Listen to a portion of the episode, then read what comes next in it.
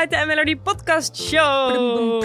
Wij zijn Melody Klaver en Guiten Jansen. Wij zijn vriendinnen en actrices. En elke aflevering komen wij samen om iets te bespreken wat ons interesseert, fascineert, frustreert, boos maakt, blij maakt, om ons aan het lachen maakt. Je kan het zo gek niet benoemen.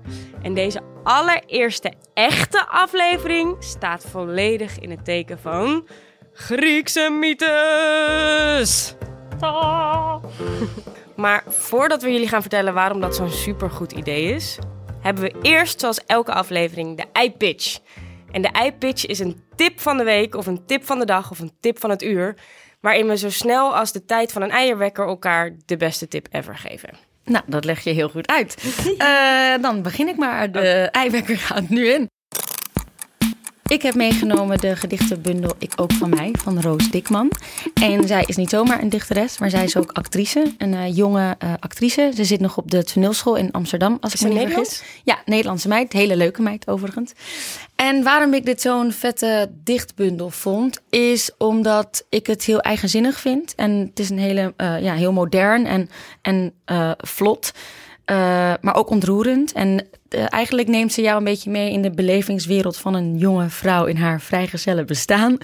En ja, wat kan je verwachten? Gedicht, ja, rauwe gedichten over uh, het nachtelijke leven in de stad. Maar ook hele mooie, kwetsbare gedichtjes over onze eeuwige slaap in, wat zegt ze nou mooi? In, in, de, in onze pyjama van hout.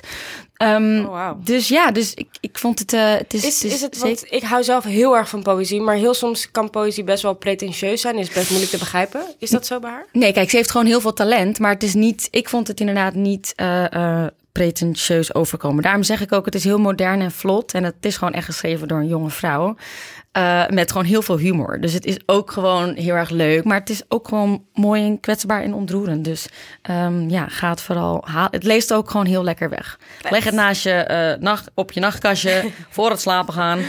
Een Roos Dikman. Ik ook, van mij. Roos Dikman. Wat vet. Oké, okay, leuk. Ga ik zeker kopen. En jij, wat heb jij ja, meegenomen? Ik heb ook een, een hele vette i-pitch. jij kan niet meer ei zeggen nee, door je naam. naam. Okay, zo, ik kan niet meer geiten zeggen. Nee. Ik zeg alleen maar als ik het over geitenmelk heb, geitenmelk. Jij kan niet meer normaal niet meer, praten. Meer met de ei. Uh, dus ik heb een hele leuke i-pitch. Nee, een hele leuke i-pitch meegenomen die ook perfect bij vandaag past. Omdat we het over mythes gaan hebben, heb ik het boek Mythos meegenomen van Stephen Fry. Oh, wat vet echt zo vet. Ja. Echt zo vet. Het, zijn, het is de Stephen Fry die, die, die vertelt, hervertelt eigenlijk alle Griekse mythes.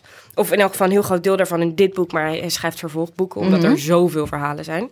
En hij doet dat op een super moderne, makkelijk te volgen manier. Dus hij vertelt zeg maar mythes en het ontstaan van de wereld. En echt gewoon de aller uh, uh, haast ingewikkeldste onderwerpen die wij op school hebben geleerd. Waar, waar we echt de taal moesten ontleden omdat die zo moeilijk was. Vertelt hij gewoon in, in, in hele vette Jip en Janneke taal. Ah, wat gewoon, chill. Ja, het is dat echt... gewoon baby's het kunnen begrijpen. Ja, echt. Echt waar. Ja. En je leest er als zo snel doorheen. Het gaat echt... Het is zo makkelijk.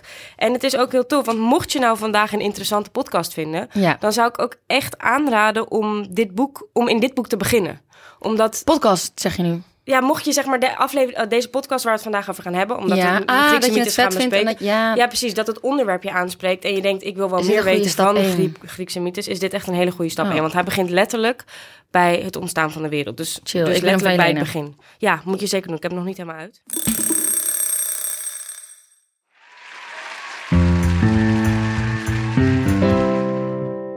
Geit heeft het al goed uh, ingeleid. Maar deze tweede aflevering uh, staat dus geheel in het teken van Griekse mythologie.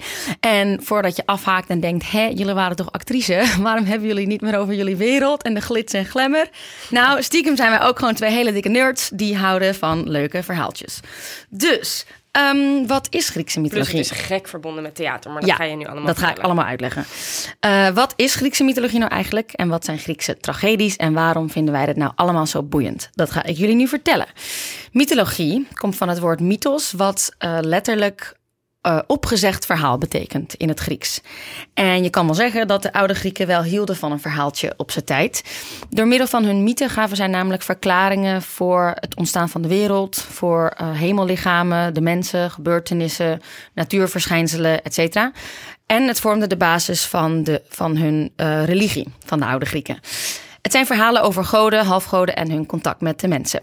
Griekse tragedies zijn ja, eigenlijk, dat is misschien wel het begin, het ontstaan van theater. Uh, en je zou dus ook kunnen zeggen, heel veel later dus ook van film. Um, het was de eerste keer dat er verhalen werden voorgedragen aan publiek. Uh, en de verhalen die werden gespeeld ontleenden hun stof weer uit de mythologie wat ik zojuist vertelde. En pas later gingen grote Griekse toneelschrijvers, zoals Homerus, zeg ik het goed, Geiten? Ja, volgens mij wel. Homerus. Maar er zijn uh, zoveel namen binnen de Griekse mythologie, dus als we iets verkeerd zeggen en je ja, bent een mythekenner... Ja. geen haatmail. Geen haatmail. uh, maar goed, dus later gingen Griekse toneelschrijvers, zoals Homerus, uh, ook met nieuwe verhalen aan de haal. maar ook dat zijn veelal afgeleide um, of aangepaste vormen van die mythes. Uh, de bekendste opgeschreven verhalen zijn misschien wel de Ilias en de Odyssee van de Griekse schrijver. Oh, dat heb ik zojuist verteld. Uh, Homerus. Maar wat heel grappig is, is dat je die gewoon nog in boekvorm kunt kopen. Dus dat vind ik wel heel leuk. Misschien wel het oudste, het oudste boek ter wereld. Kan je gewoon nog kopen.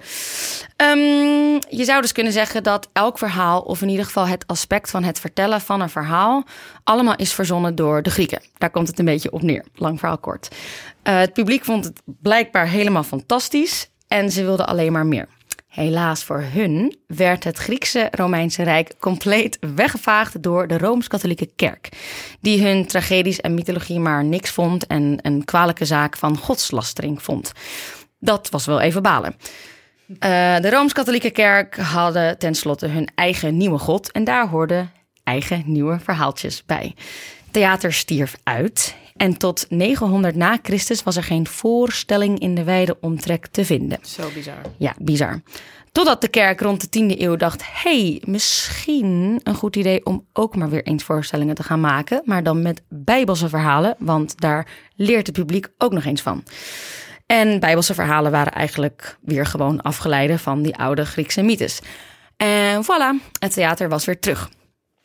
Uh, de eeuwen daarna borduurden andere creatievelingen daar weer lustig op verder. Uh, een paar zijn redelijk beroemd geworden. Je kent ze misschien. Shakespeare bijvoorbeeld haalde zijn inspiratie veel uit Griekse tragedies en schreef er zelf voor de lol ook nog een paar nieuwe bij.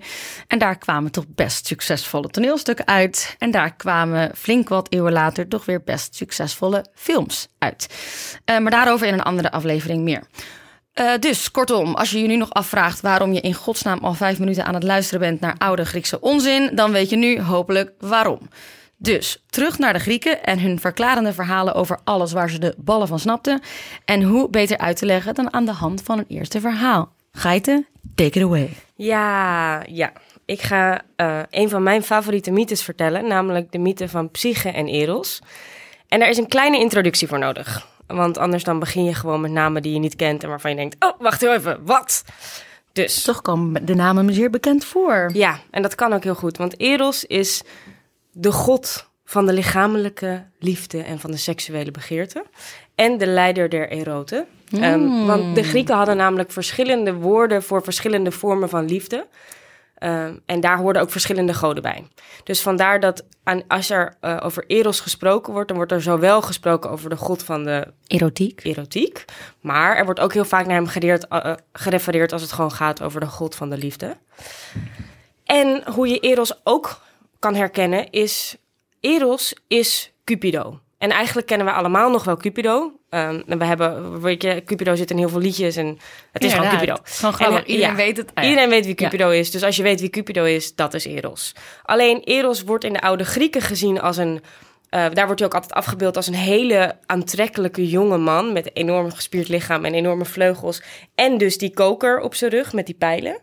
Dat is, dat is Eros, maar wij beelden hem ja, eigenlijk in de loop der tijd is hij vaak afgebeeld als, een kleine dikke klein, baby. dik mannetje.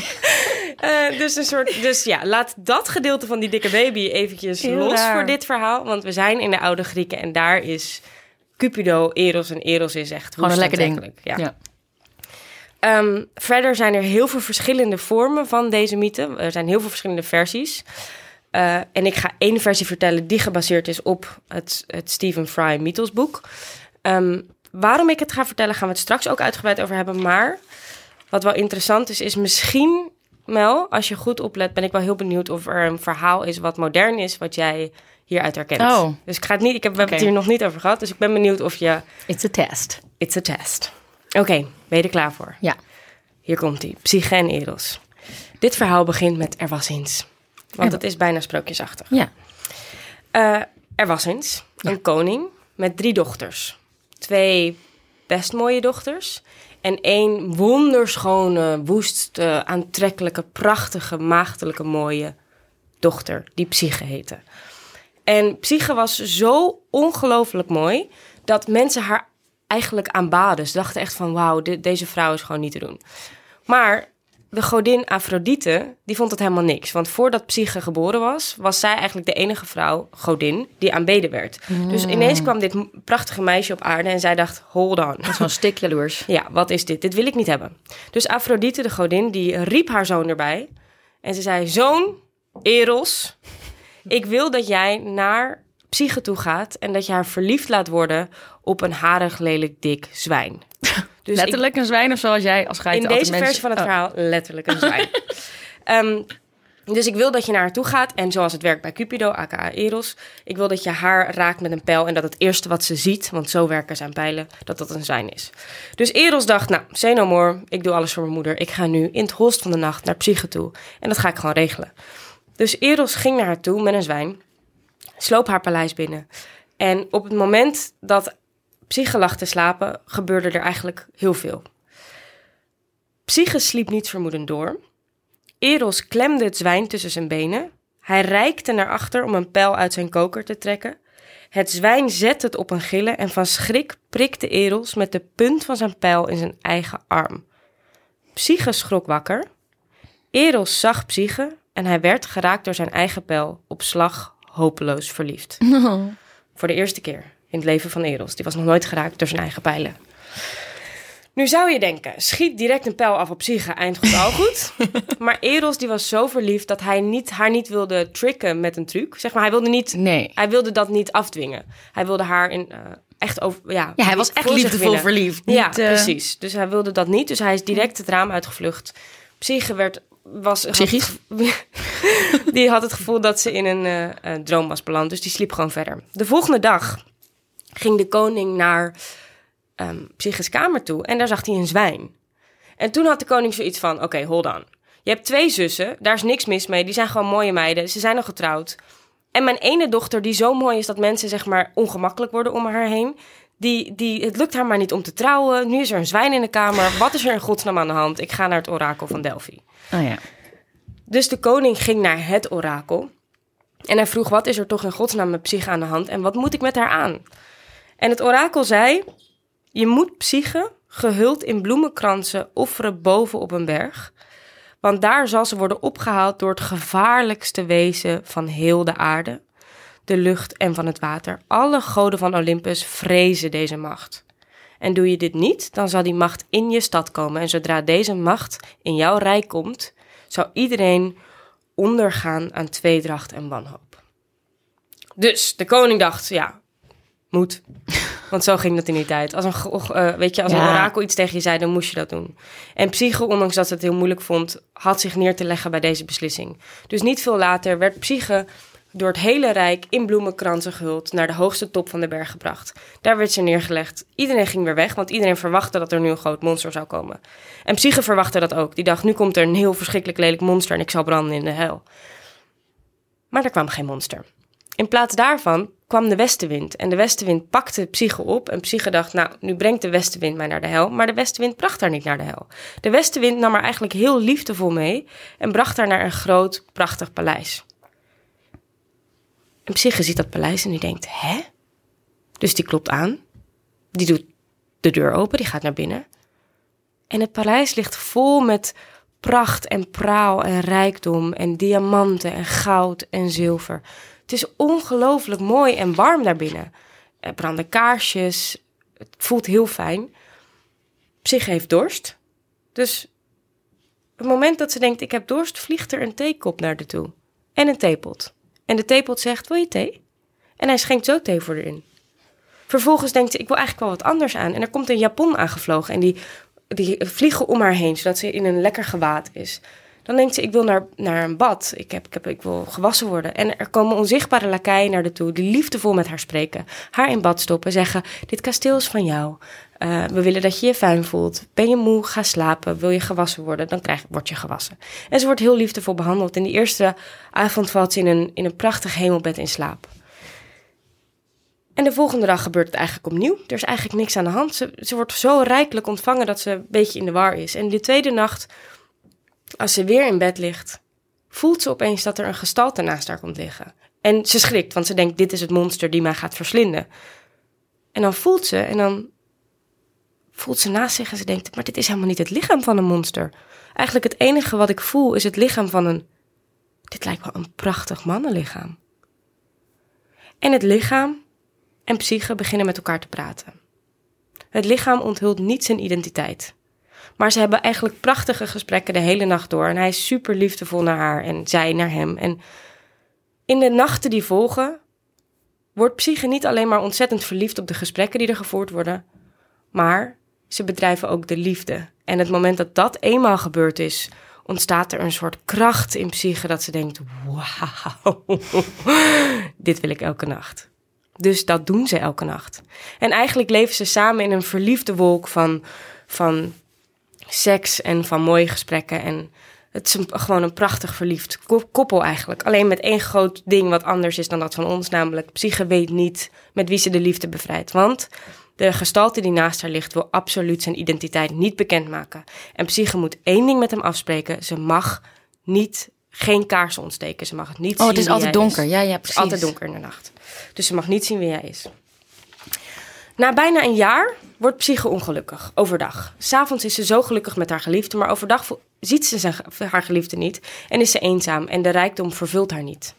Dus ze gaat in gesprek met haar geliefde en ze zegt: Ik mis mijn zussen. De geliefde zegt: Oké, ik snap het. Ik, ik ben bang voor, voor de kracht van je zus en ik heb het gevoel dat ze slechte invloed op je kunnen hebben, maar ik snap dat je ze mist. Dus morgen zal de westenwind je naar huis brengen en zal je zussen hiermee naartoe nemen. Eén ding: vertel niet wie ik ben. Dus zo gezegd, zo gedaan. En eigenlijk de eerste ontmoeting waarin ze haar zussen de pracht en praal van het paleis laten zien, gaat in psychisch optiek hartstikke goed. De zussen komen na afloop van die eerste ontmoeting komen ze thuis en praten ze met elkaar van, what the fuck? A, ze zou dood zijn, maar ze leeft nog. Huh? En B, zij heeft ineens heeft psyche allemaal rijkdom. Wat is er mis met haar en waarom hebben wij die niet? Dus die zussen op aarde worden ondertussen jaloers. Maar Psyche heeft dat niet in de gaten en ze wil ze heel graag nog een keer zien. Dus die nacht zegt ze tegen haar geliefde: Alsjeblieft, mag ik ze nog een keer zien? En de geliefde zegt tegen haar: Je mag nog één keer afscheid van ze nemen, want je draagt ons kind in je. En ik wil niet dat je praat over mij of over ons kind. En ik wil niet, nog steeds niet dat jij mij s'nachts ziet. Dus dan gaat Psyche naar huis en ze praat met haar zussen. En haar zussen praten op dat moment heel erg op haar in. Zo van: Oké, hold on, psyche. Je leeft met iemand samen en je vertelt ons nu dat je niet weet wie het is. Dat je niet weet hoe die heet. Dat je hem niet ziet. Uh, weet je wel dat de allergrootste monsters van de hele wereld eh, de, het vermogen hebben om zichzelf in gedaantes te wisselen. Dus hij, je voelt waarschijnlijk alsof het een, een, mooie man naast je ligt. Maar als je hem ziet, zul je erachter komen dat het waarschijnlijk de duivel is. En weet je wat jij moet doen? Jij moet hem vermoorden vannacht. De zussen praten met zoveel overtuigingskracht. En, en Psyche is zo jong en in de war en verliefd dat ze denkt: Weet je, ja, jullie hebben waarschijnlijk gelijk. Ik vertrouw waarschijnlijk iemand die ik helemaal niet kan vertrouwen. En dadelijk draag ik een duivelskind in mij. Dus ze gaat die nacht besluit Psyche te doen wat alles zal veranderen. Ze ontsteekt het licht. En ze is klaar. Eigenlijk wil ze met dat licht dat ze gaat ontsteken, wil ze hem dus doden. Dat is haar plan. En ze ontsteekt het licht. En dan ziet ze dat niet zomaar iemand, maar de god Eros naast haar ligt. Nou, die herken je meteen. Ik bedoel, er is maar één Cupido. Dus ze herkent hem meteen aan zijn prachtelijke, goddelijke lichaam en zijn, en zijn koker en zijn vleugels. En, en Psyche is helemaal overrompeld door, door de pracht en praal die ernaast ligt. En haar hand grijpt naar zijn pijl. En dan wordt ze geraakt door zijn pijl. En terwijl ze geraakt wordt, gaat er een stukje van haar kaars komt het kaarsvet belandt op Eros. Eros schrikt wakker. Ze kijken elkaar aan. En Psyche is hopeloos, hopeloos overmand door liefdesgevoel naar Eros. Maar ze heeft de afspraak verbroken. En met de afspraak die verbroken is tussen hun, tussen hun liefde, brokkelt het volledige paleis uit elkaar. Eros vliegt weg en Psyche belandt eenzaam in een bos. tweede gedeelte van de mythe ga ik iets sneller vertellen. Want niet sneller, maar iets compacter. Want deze, psyche, uh, deze, psyche, deze mythe kan heel lang doorgaan. Dus de volgende dingen gebeuren. Daar kunnen we het eventueel later over hebben als je het interessant vindt. Maar, maar ze gaan even snel. Dus als je denkt, dit gaat wel even heel snel, dat klopt. Psyche is koud en eenzaam in een bos. In het bos komt de halfgod Nix. Zeg ik dat goed? Nee, sorry. Psyche belandt. Oh, oké. Dit is wat er gebeurt. Psyche belandt eenzaam in een bos. In, de in het bos komt ze Pan tegen. Pan is de, de halfgod die half stier is. En weet je, ja. half, die ken je misschien wel van plaatjes. Dat is half een stier en half een, een, een mannenlichaam. Met Pan's ja, Labyrinth. Oh, bijvoorbeeld. Met van die horentjes. Die komt naar haar toe en die, die zegt tegen haar van... als jouw verdriet is aangedaan door uh, mensen, dan kan je ook wraak nemen. Daarop denkt Psyche, weet je wat, je hebt helemaal gelijk, ik ga wraak nemen. Mijn gemene zussen die zo'n slecht hart hebben en niet inzagen dat mijn intenties puur waren, die ga ik met een list om het leven brengen. Dus ze vertelt beide zussen, los van elkaar, dat Eros eigenlijk voor hun kwam. En het moment dat ze de god Eros noemt, denken de zussen: ik moet weg bij mijn man en bij mijn huwelijk en bij mijn kinderen. Ik moet naar Eros. En ze gaan naar de top van de berg om met de westenwind te worden meegenomen naar Eros. Maar de westenwind brengt hun allebei naar de hel. Dus ze brengt haar zussen om het leven. Afrodite krijgt in deze versie, daar zijn verschillende versies van, te horen wat er met dat Psyche dus niet verliefd is geworden op een zwijn. Want hoe krijgt ze dit te horen? Eros is zo hondsdepressief dat hij zijn gebeden niet meer verhoort. Dus alle gebeden komen bij zijn moeder, bij Afrodite terecht. En Afrodite denkt: Oké, ik heb heel veel werk te doen. Wat is hier aan de hand? Mijn zoon doet zijn werk niet meer. Omdat hij verliefd is op Psyche. Die zou toch verliefd worden op een zwijn? En ze zorgt meteen dat Psyche naar haar paleis wordt gehaald. En daar heeft ze drie onwijs ingewikkelde opdrachten voor Psyche. Het ene is, ze stopt haar in een cel met allemaal verschillende soorten granen, linzen, gerst, kikkererwten, noem het zo gek maar op. En ze zegt, voordat de zon opkomt, moet je, dit, uh, moet je uh, elk soort bij elk soort onderscheiden hebben. Als dit je lukt, laat ik je vrij. Door een incident met een mier en ja, dit is een heel op zich staand verhaal. Ik zal het even heel kort vertellen, want het is wel heel leuk. Psyche moet zo hard huilen dat er een traan op een mier valt. En de mier zegt: Yo, oké, dit kan je niet doen. Ik snap dat jij verdrietig bent, maar als er een traan op mij valt, verdrink ik. Dat is gewoon asociaal. Wat is hier aan de hand? Psyche vertelt haar verhaal aan de mier. En de mier zegt: Say no more, ik hou mijn hele familie erbij. Voordat de zon opkomt, hebben wij dit helemaal gefixt. En zo gezegd, zo gedaan. dus ze komt die kerk eruit. En Afrodite is zo in de war dat ze zegt: Oké, jij moet naar naar het, het weiland. Het ontzettend gevaarlijke weiland met wilde rammen en wilde schapen die je aan zullen vallen en je dood zullen maken. En daar moet je goudwol uh, vandaan halen. Psyche is zo depressief dat ze denkt: Weet je wat, prima. Ik verdrink mezelf in de rivier die ervoor zit. Want ik ben zo ongelukkig. Ik wil alleen maar naar Eros en ik kan niet naar Eros. Maar de rivier fluistert haar in. Ik wil niet dat je zelfmoord pleegt, want als jouw lichaam in, mijn, in mij valt, dan ben ik besmet met jouw dood en dat wil ik niet. Dus wat je doet is je wacht tot het donker wordt. Dan zijn al die schapen weg. Dan loop je naar de boom. Daar pak je wat goud uit de boom. Want die, die schapen, die, die, als ze jeuk hebben, dan gaan ze zo tegen de boom aan. Zo, en dan blijft hun wol achter op de boom. En zo gezegd, zo gedaan. En Psyche komt terug met goud wol, wat onmogelijk is. En Afrodite wordt ziedend en die zegt, nu moet je naar de hel. En ik wil dat je daar water haalt uit de helse rivier. Dit is het punt dat Eros te horen krijgt dat wat zijn moeder allemaal met zijn, met zijn, weet je, zijn geliefde doet. Want hij houdt natuurlijk van haar, ondanks dat het spel is verbroken. Um, en dan gaat hij naar, Eros gaat dan naar Zeus en zegt, Zeus, alsjeblieft, help mij. Dit is de situatie, ik ben zo hopeloos verliefd. Ik was boos, ik was ziedend, want de, de, de, de opdracht is verbroken. Maar ik zie nu dat haar hart zo puur is, omdat ze zo hard voor me vecht. Alsjeblieft, help mij. En dan stuurt Zeus Hermes, ook een andere zijmythe, naar de hel en die haalt Psyche op. En dan brengt Zeus Psyche en Afrodite bij zich en die zegt: Meiden, dit is echt niet de bedoeling. Afrodite, jij bent bang dat Psyche jouw plek in zal pikken, maar dat kan niet. Dat is onmogelijk. Jij hebt iets wat zij niet bezit. En dat is wijsheid. Je bent toch een geboren godin. Jij leeft al zo lang, niks zal jou kunnen vervangen. Jij bent perfect zoals je bent. En psyche is perfect voor eros. Kijk nou, de twee vullen elkaar perfect aan. Psyche, ziel, en eros, de belichaming van seksualiteit en erotiek. Een mooiere liefde bestaat er niet. Dus ze krijgen de zegen van Zeus. En Zeus op dat moment besluit dat ook Psyche terecht hoort in de godenwereld. En hij geeft haar datgene wat je onsterfelijk maakt. En er komt een prachtige bruiloft waarin iedereen samen danst. En ik heb horen zeggen dat ze dansen tot op de dag van vandaag. Ah, nou dankjewel voor je mooie verhaal. Applaus, applaus, applaus. Thank you. Ehm, ik zit even te denken. Ja, het doet me. Ik heb echt drie verschillende titels uh, Ja. in mijn hoofd, maar het, je bleef vertellen en dan haakte ik weer. Nee, haakte Snap ik weer af. Dus ik heb. Ik heb misschien Bella en Bees, Romeo en Julia, the, the, the Other Boiling Girl. Ik heb geen idee. Welk, nou, waar... de eerste, je eerste Bellen en Beest is echt, dat is echt bijna identiek aan dit verhaal. Oh, Eh, waar ze ook naar een kasteel komt waar ook pratende kopjes zijn en pratende, weet je, het zijn Ja. allemaal onzichtbare lakaien waar ook een hele grote, een heel groot ding is over je mag, je mag de, de, de vloek niet doorbreken, je mag me niet zien, het beest wil dat onwijs lang niet en uiteindelijk zijn ze voor Ja. elkaar gemaakt en blijkt het beest een prins, een prachtige prins te zijn. Dus dat is een verhaal wat bijna identiek is aan dit verhaal. wat leuk. Maar eigenlijk is dit verhaal. Bedenk even dat dit zo lang geleden geschreven is. En dat heel veel elementen hierin eigenlijk nog steeds in bijna alle liefdesverhalen terugkomen. Ja, het is een beetje de grond, grondlegger van de, Eh, Van bijna van de romcoms. alle. Ja, maar serieus. Van bijna alle goed aflopende liefdesverhalen. En dat vind ik echt. Daar, daar kan ik echt eindeloos over uitweiden. Over hoe bijzonder dat is. En, en elk element in dit verhaal Ja, staat ergens voor. En dat is ook nog wel bijzonder, want bijvoorbeeld dan denk je, oh, wat random die opdrachten van Afrodite. Ja. Bijvoorbeeld van, oké, doe even lekker normaal met je, met je zaad, zaadscheiden. met je, eh, hoe heet dat? Niet zaad, ja, het ook zaad, maar een wat netter woord, granen. granen? Ja, ja, ja.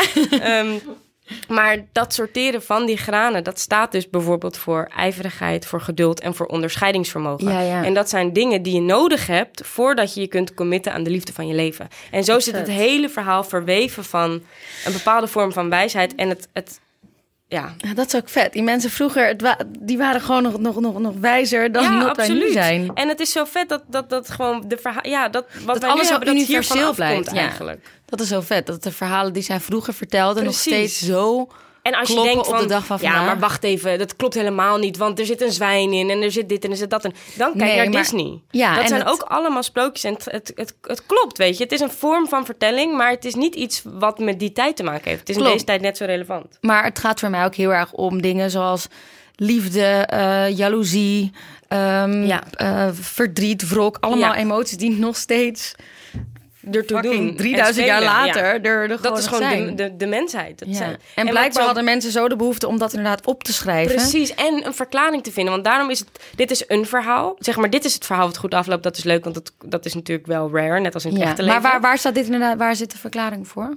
Eh, nou, dit is de verklaring voor de. de eh, omdat er zoveel vormen van liefde zijn, is eigenlijk, wordt hier beschreven wat de perfecte vorm van liefde is. En dat is dus psyche, die staat voor de ziel, die belichaamt de ja, ziel. want de, de- daar moet het ook, de naam psyche, exact, dat wij nu... is niet niks. Dat, is- of dat is niet zomaar, laat maar zeggen. Nee. En eros, dat is dus, dus zeg maar eigenlijk plat gezegd. Als jij gek goede seks hebt in je relatie en ook nog eens mentaal bevredigd wordt, dan heb je, dan heb je zoveel geluk als psyche en eros met elkaar hebben. En Ah. zij hebben, maken uiteindelijk ook nog een dochter.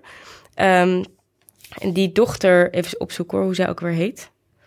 Oh, dat staat aan de andere kant. van Maar zou je dan dus ook kunnen zeggen dat eigenlijk... Want psyche zou je kunnen denken dat dat staat symbool voor inderdaad de, nou, de menselijke men, psyche, letterlijk. Ja. En eros dan voor de menselijke lusten. Ja. Als je die combined, Ja. heb je gewoon... eh, heb je de perfecte liefde. heb je de perfecte relatie. Moet je nagaan dat dus mensen dit 2000 voor Christus, of ik weet niet wanneer het is geschreven, al dus door hadden. I know, en wij dat, is zo sick. En, dus, en er zijn ook allemaal verhalen voor als dat niet lukt. Of, en wat ik ook zo vet vind, is zeg maar eh, dat, dat orakel van Delphi zegt toch op een gegeven moment... luister, iedereen is bang voor deze macht. En als Ja. je in je rijk komt, dan wordt iedereen verscheurd door eh, tweedracht en, en, en onrust. En, en dat is ook zo. Dat is letterlijk wat er gebeurt in de mythe over eh, als Eros naar die zussen toe komt. Ja. Dat is letterlijk wat er gebeurt. Hij, zodra de zussen horen Eros wil je, dus eigenlijk zodra er iemand naar je toe komt die zo opwindend is, word je, word je, ga je, verlaat je gewoon je huwelijk. Ja, ja, ja. Meteen, letterlijk, en ga je dat doen. En ehm, eh, eh, nou, ik ben, ik ben even mijn, mijn draad kwijt. Nee, nee, nee. Ehm, Pak het op. Maar.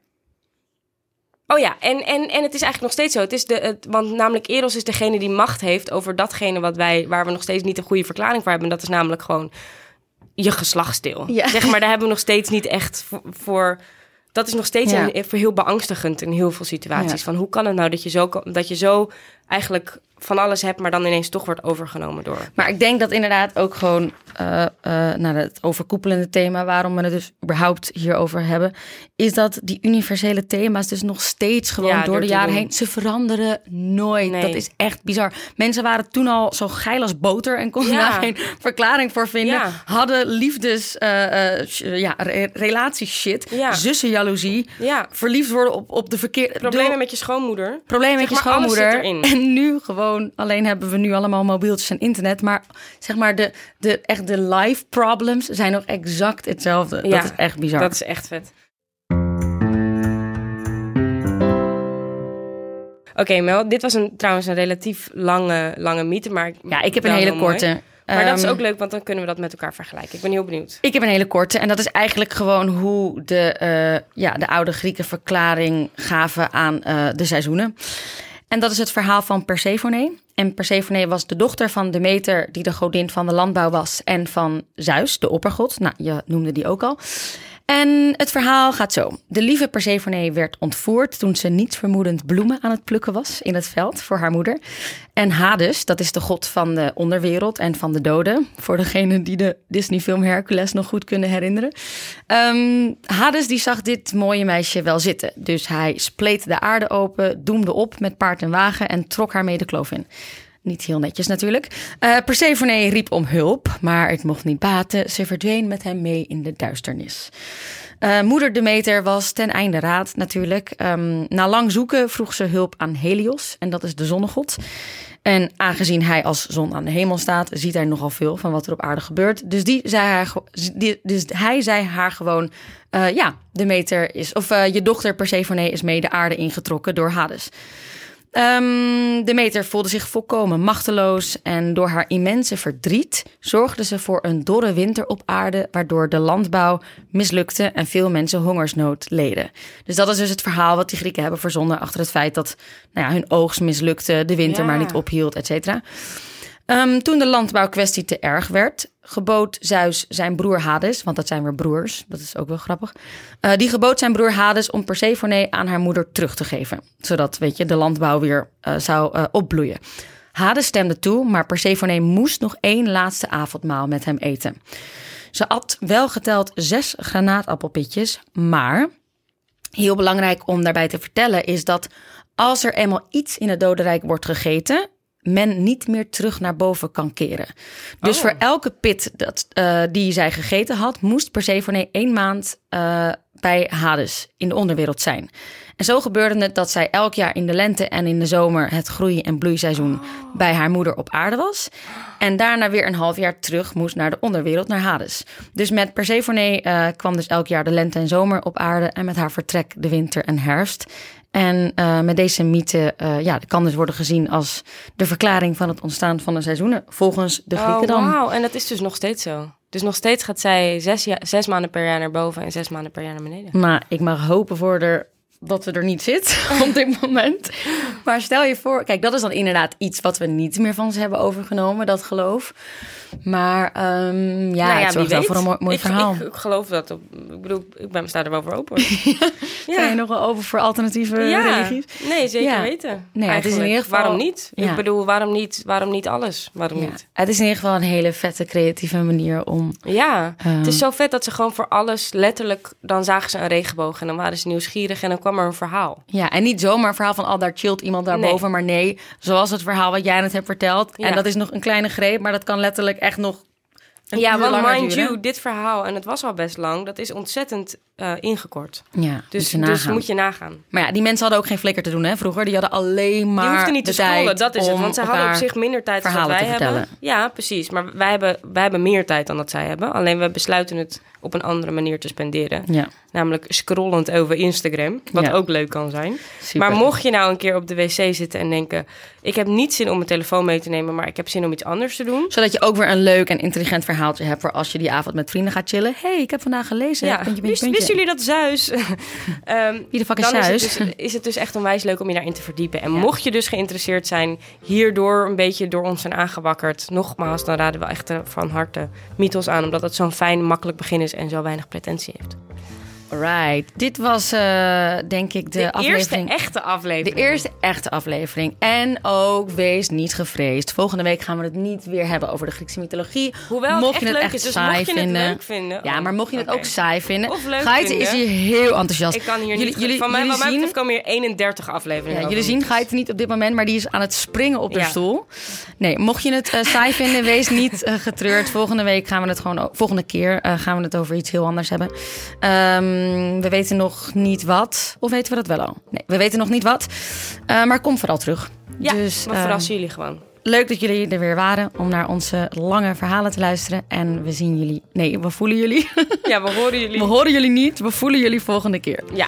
En als je je wil voegen in het gesprek of in een nieuw gesprek of een nieuw onderwerp aan wil dragen of iets anders tegen ons wil zeggen, mail ons dan ook vooral naar de grote podcastshow@dagenacht.nl.